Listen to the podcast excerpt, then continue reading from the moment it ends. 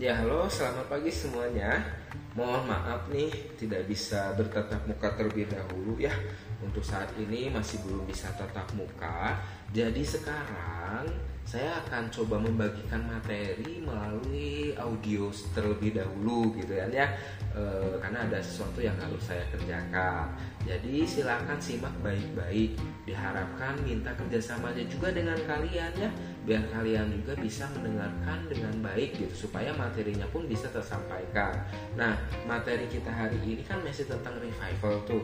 Revival di sini tuh lebih kayak me, apa ya, mengharapkan dalam setiap kita itu mengenal peran Roh Kudus dalam setiap pembaharuan orang-orang percaya. Pembaharuan itu kayak gimana?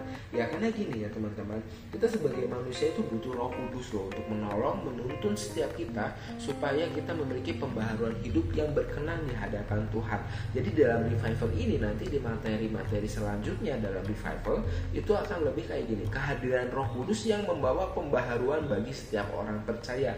Artinya bagi mereka yang memiliki atau mungkin bukan memiliki ya tapi bagi mereka yang percaya kepada Kristus sebagai Tuhan dan Juru Selamat tentu harus atau mungkin tentu membutuhkan Roh Kudus untuk supaya kehidupannya bisa lebih lagi berkenan di hadapan Tuhan. Kita butuh Roh Kudus loh. Karena Roh Kudus lah yang menolong ya. Roh Kudus yang menuntun. Makanya sok di antara kalian yang mungkin pernah melakukan suatu kesalahan pernah melakukan suatu kesalahan, pernah melakukan suatu hal tindakan yang mungkin tidak berkenan di hadapan Tuhan, itu ada satu perasaan gelisah kan.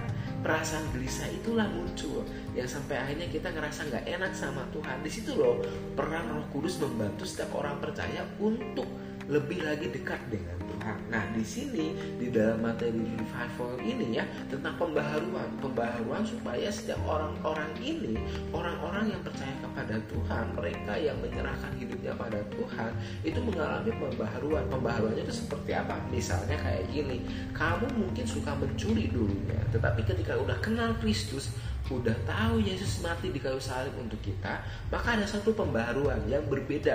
Yang tadinya kamu suka mencuri, kini nggak pernah lagi mau mencuri.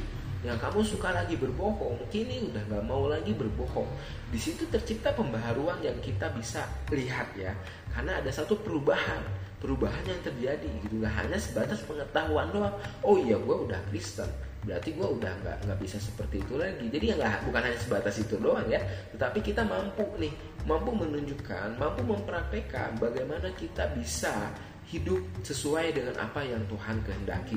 Nah teman-teman Selanjutnya saya mau minta kalian coba baca di dalam kisah para rasul Kisah para rasul pasal 2 Kisah para rasul pasal 2 ayat 1 sampai dengan ayat 40 ya sok baca terlebih dahulu.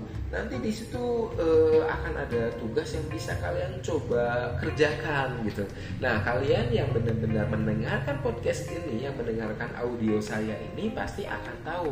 Tapi kalau misalnya kamu yang cuma skip skip doang tentu kamu tidak akan tahu jadi tugasnya ya tugasnya itu kalau kamu baca baik-baik eh bukan baca ya dengan baik-baik coba baca pertama nih ya tugas yang bisa kamu lakukan itu adalah baca kisah para rasul 2 ayat 1 sampai dengan 40. Oke? Pertama nih, tugas pertama baca ayat e, kisah para rasul 2 ayat 1 sampai dengan 40. Nanti kamu di situ bisa melihat bagaimana peran Roh Kudus bagaimana Roh Kudus hadir nyata membantu orang-orang percaya bagaimana Roh Kudus hadir datang ke dunia untuk bisa membawa orang-orang ini supaya bisa lebih lagi mengenal Tuhan. Bagaimana caranya? Di situlah ajaibnya Roh Kudus membantu supaya setiap orang mengerti jalan yang benar seperti apa. Jadi sob ya, ingat tugas pertama kamu diminta membaca Kisah Para Rasul pasal 2 ayat 1 sampai dengan 40. Catat ya. Oke, karena nanti ini pasti saya akan minta. Jadi kamu eh, jadi ini, jadi saya akan tahu kalian mendengarkan audio saya ini dengan baik atau tidak.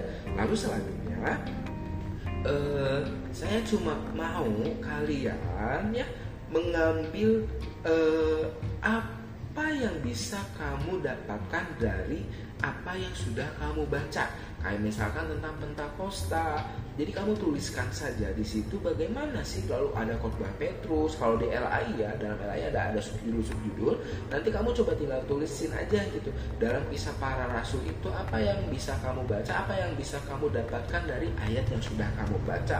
Ya eh, itu saja paling ya untuk hari ini. Yang saya harapkan itu kita bisa kerjasama ya uh, untuk bisa menikmati kelas ini dengan baik. Jadi hanya itu saja dan mohon maaf saya tidak bisa tatap muka dan bertemu dengan kalian. Jadi cuma ini saja tugasnya. Uh, ada dua tugas nanti di pertemuan selanjutnya baru saya akan bahas, baru kita akan bahas gitu kan ya. Bagaimana peran Roh Kudus benar-benar membawa pembaharuan bagi setiap orang yang percaya. Oke, terima kasih sudah bisa mendengarkan dengan baik. Ingat tugasnya apa? Ada dua. Satu baca terlebih dahulu kisah para rasul dua ayat 1 sampai 40 Lalu yang kedua kamu tuliskan apa yang sudah kamu baca itu. Bukan copy paste ya, tetapi kamu menuliskan argumentasi kamu atau mungkin pendapat atau mungkin ada sesuatu yang baru, ilmu yang baru dari apa yang sudah kamu baca. Oke, gitu saja. Terima kasih banyak dan God bless.